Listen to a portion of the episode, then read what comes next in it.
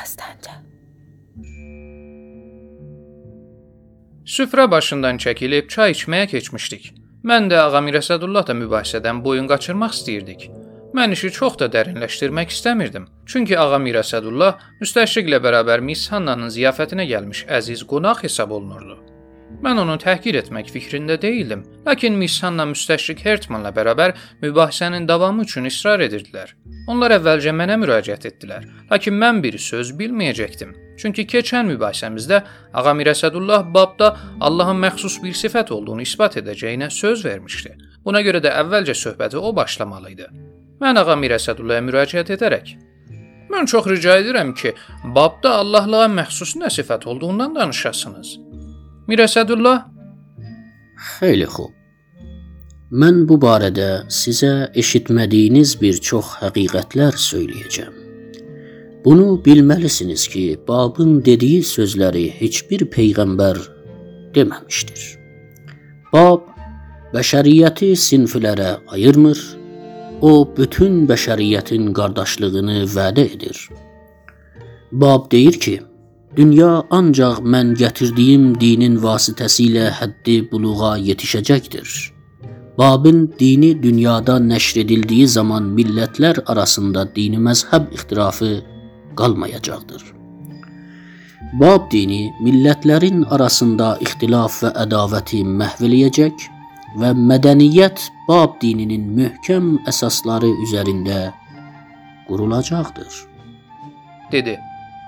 Bu sözləri dedikdən sonra Ağa Mirəsədullah mənə müraciət etdi. Buna nə deyə bilərsiniz? Bunları indiyə qədər hansı bir bəşərin dilindən eşitmişsiniz?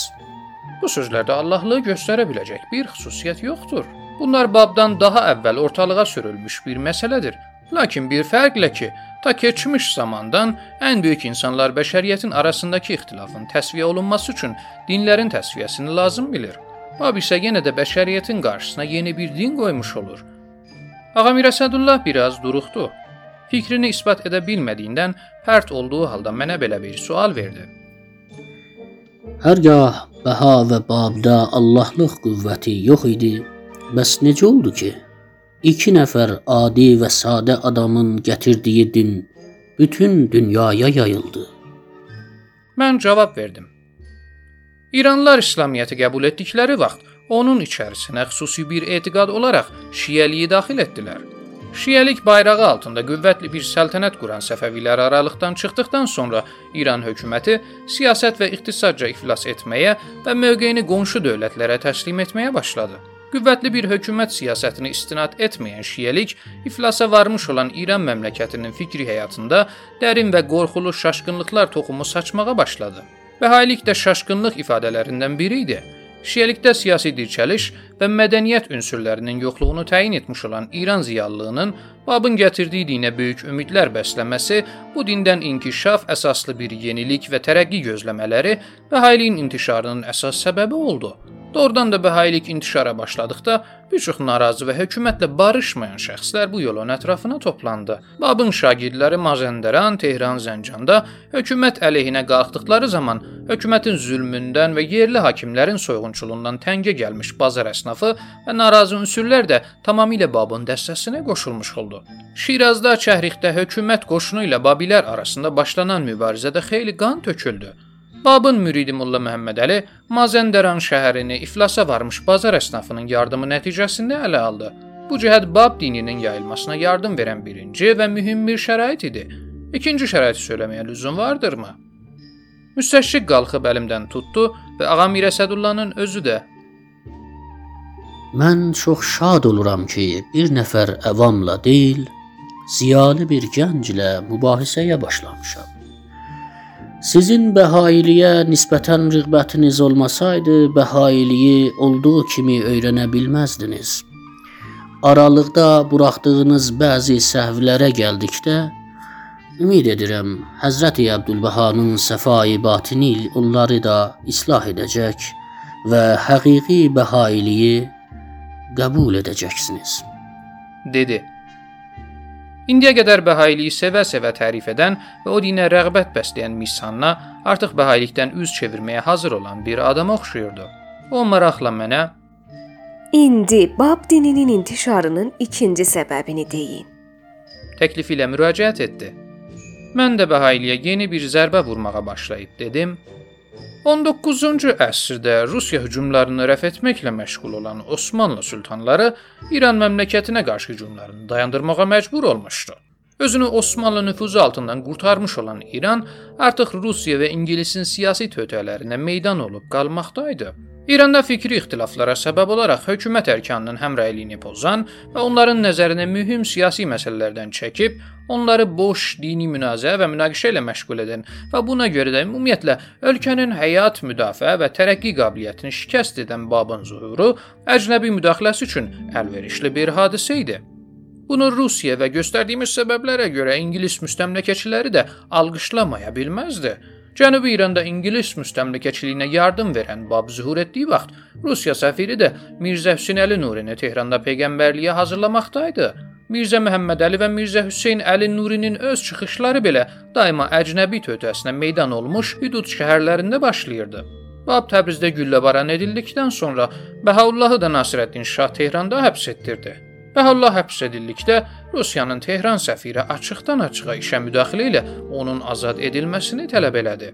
Bəhallah azad olur olmaz Tehranda Rusiya səfarəti onu təntənəli bir surətdə qəbul etdi və Bəhallah uzun zaman Rus səfarətxanasında qonaq sifəti ilə qaldı. Bundan da əvvəl Bəhaullahın Rus səfarəti ilə sıx əlaqəsi var idi. Onun qardaşı Mirzə Həsən belə Rus səfarətinə xidmət edirdi. İran hökumətinin tələbi üzrə İngilis-Rusiya dövlətləri arasında aparılan müzakirə nəticəsində Bəhavullahın Bağdad şəhərinə təbid edilməsi qərarı alındı. Rusiya səfiri Bəhallah üçün təntənəli bir müşayiət düzəltdi və Rus səfarətinin ən məsul işçilərindən birisi onu Bağdad şəhərinə qədər müşayiət elədi. Bəhallah Bağdada getdikdən sonra Osmanlı hökumətinin təlimatı üzrə İmam Hüseyn ziyarətinə gedən şiələr arasında mürid toplamağa başladı. Bu münasibətlə də İran, Kürdistan və Əraq hüdudları Bəhay təbliğatının qorxusu altında qaldı. İran hökuməti Osmanlılarla olan Bağdad müqaviləsinə əsas tutaraq Bəhanın köçürülməsini tələb etdi. Nəticədə də Bəha Əlimə vilayətinə köçürüldü. Bəhai rəhbərləri arasında düşən dini ixtilaf nəticəsində Türkiyə hökuməti Bəhaullahı Heyfa şəhərinə göndərdi.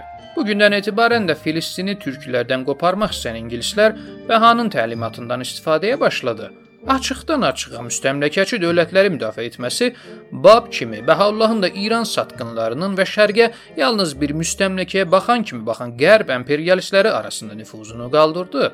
İndi Bəhailiyin tamam imperialist dövlətlərin mənafeyini gözləyən gizlin və siyasi bir təşkilat olduğu da heç kəsdən gizlin deyil. Mirəsədullah qızğınlıqla Yanılırsınız.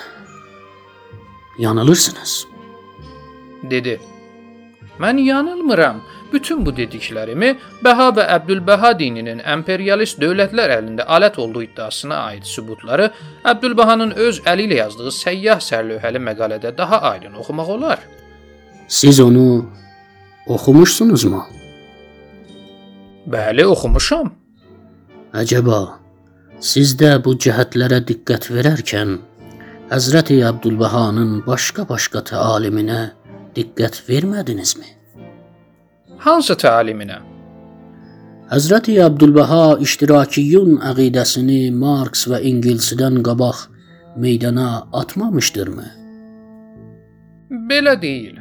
O deyir ki, biz iştirakiyyun firqəsi kimi dini mədəniyyətə zidd hesab etmirik.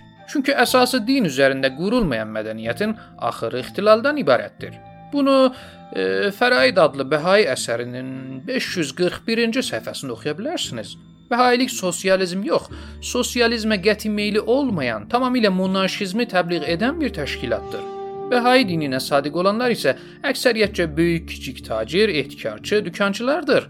Bəhailiyin monarşizm tərəfdarı olduğu haqqında da bunu deyə bilərəm ki, bu dinin baniləri virasət və xanədançılıq rəsmiyyəti ilə din riyasətinə keçirirlər. İlk əvvəl Bab, Babdan sonra Bəha, Bəhadan sonra Əbdülbəha və ha belə bir-bir hökumət başına keçməkdədirlər. Hələ özünün marksizmi intişar etdiyi iddiasında olan Əbdülbəha tam mənası ilə monarxist bir şəxsiyyətdir və mütləqiyyətçi hökumətlərlə də dostana əlaqə saxlamaqdadır. Əbdülbəha Çar Nikolaya yazdığı lövhəsində: "Ya Rəbb, işıqlı olan Rusiya hökumətini kömək elə" demişdir. Əbdülbəha Məhəmməd Əli Şah haqqında yazdığı lövhəsində xəbəriniz vardırmı nə yazır? Məhəmməd Əli Şah taxta oturduğu zaman nazil elədiyi lövhədə bütün bəhayilərə belə bir müraciətdə bulunmuşdu. Ey ühibba, İranda Məhəmməd Əli Şah əleyhinə başlamış inqilaba qoşulmayınız. İran taxtı adil bir padişaha qismət oldu. Ey ühibba, İranda heç bir firqəyə qoşulmayın, heç bir əncümən və siyasi qruplarla yoldaş olmayın, səltənətə xidmət edin. İndi siz bəhailiyin tamamilə monarşist bir təşkilat olduğuna inandınızmı? Cənab Seyd məni məzur buyurarsa, biraz da Bəha və Əbdülbəhanın atdığı başqa şüarlardan danışardım. Bu sözümə Mirə Sədullah cavab vermədi. Mənsə buna baxmayaraq sözümü bitirməli və zərbəni tamamlamalı idim. Əbdülbəhanın təlimində göstərildiyinə görə dünya xalqlarını birləşdirən vasitələrdən birisi də ümumi dil və ümumi yazı məsələsidir. Halbuki bu Babbabahadan daha əvvəl meydana atılmış bir fikirdir. Esperanto dili və yazısı tərəfdarları dünya sülhünü dillərin və yazıların süni surətdə birləşməsində görmüş və bu barədə bir kitab da nəşr etmişlərdir. Mən sözümü bitirməmişdim. Müstəşrik Hertman Mirə Sədullaha belə bir sual verdi. Bəhailik, elm və evlad tərbiyəsi işlərinə nə nəzərlə baxır? Mirə Sədullah gülümsünərək Qoyun ağa bu barədə söyləsin. deyə cavab verdi. Mən Hərgah cənab Seyd icazə verirsə, mən bəhailiyin elm və övlad tərbiyəsinə dair nəzəriyyəsi haqqında danışa bilərəm. Bəha öz təalimində fənsiz, yəni fənn ilə əlaqədar olmayan din lazım deyildir demişdir. Bu sözləri tez-tez nazil buyurduğu lövhələrin hamısında təkrar edir. Lakin onların kitab-ı əqdəsləri tamamilə bu fikrin əleyhinədir. Mirəsədullah yerindən danışdı. Burası buhtandır. Mən heç vaxt böhtan söyləməmişəm. Yenə də söyləməyəcəyəm. Kitab-ı əqdəsdəki bir ayəni sizin xatirinizə salmalıyam. Orada yazır ki: "Əlləmu zürriyyətikum ma nəzələ minəs-səmail üzma." Yəni övladınıza böyük səmalardan nazil olanları öyrədiniz, yaxud oxudunuz. İndi mən sizə sual verirəm. Dini kitabların hansı birisində fənnə aid bir kəlmə vardır? Yaxud Bəhailiyin öz dini əsərlərində bir kəlmə də olsa bu barədə yazılmışdırmı? Dastanca. Yox, Abdülbəhanın bütün əsərləri insanları əxlaq dərsinə təbliğ edir. Abdülbəha yaxşı yaza bilir və öz dinçilərinə də tövsiyə edərək yazır. Elmin əsası yazıdan ibarətdir. Yazı elmin paltarıdır. Həqiqi bəhailərdən heç birisi evladını elm fənnə, xarici dillər öyrənməyə buraxmamışdır.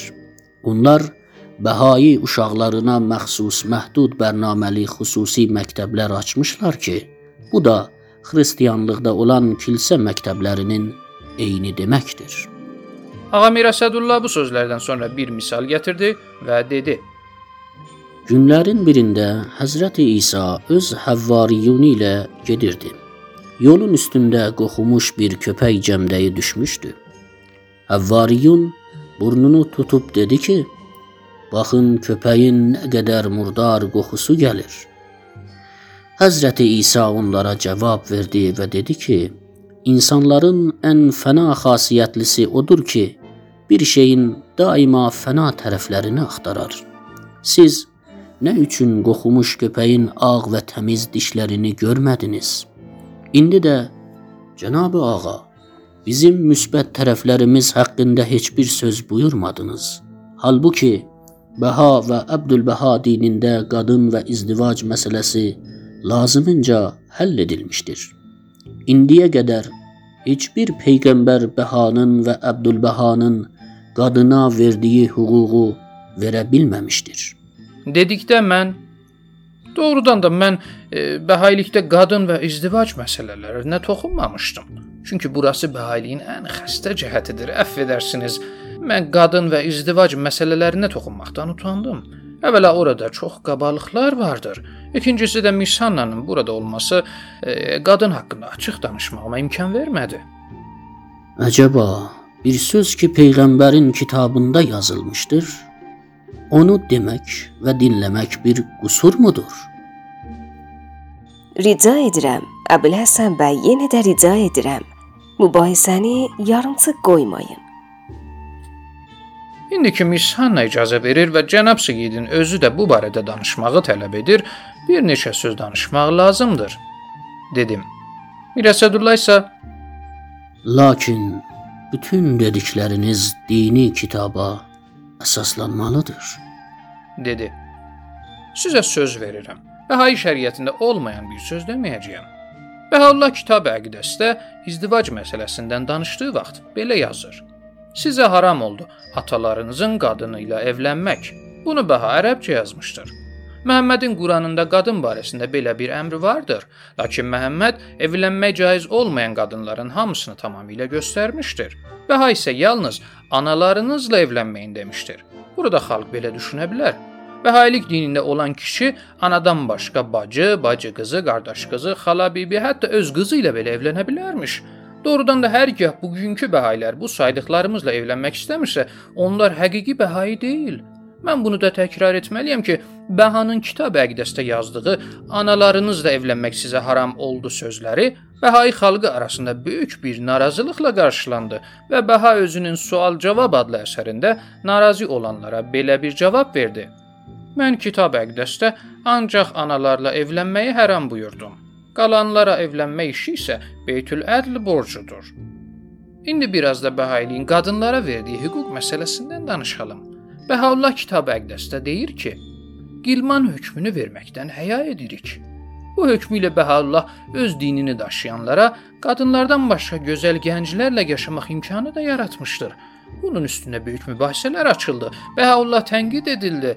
Yenə də Bəha cavabında məsələni Beytül Ədlə həvalə elədi.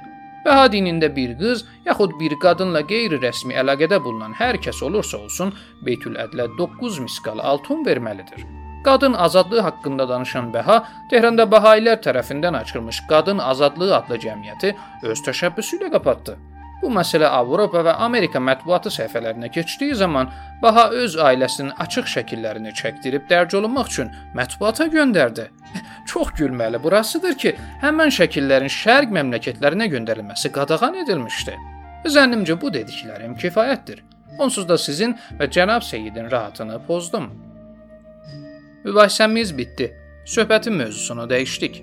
Gecə saat 12-də vidalaşıb Misannanın evindən dışarı çıxdıq.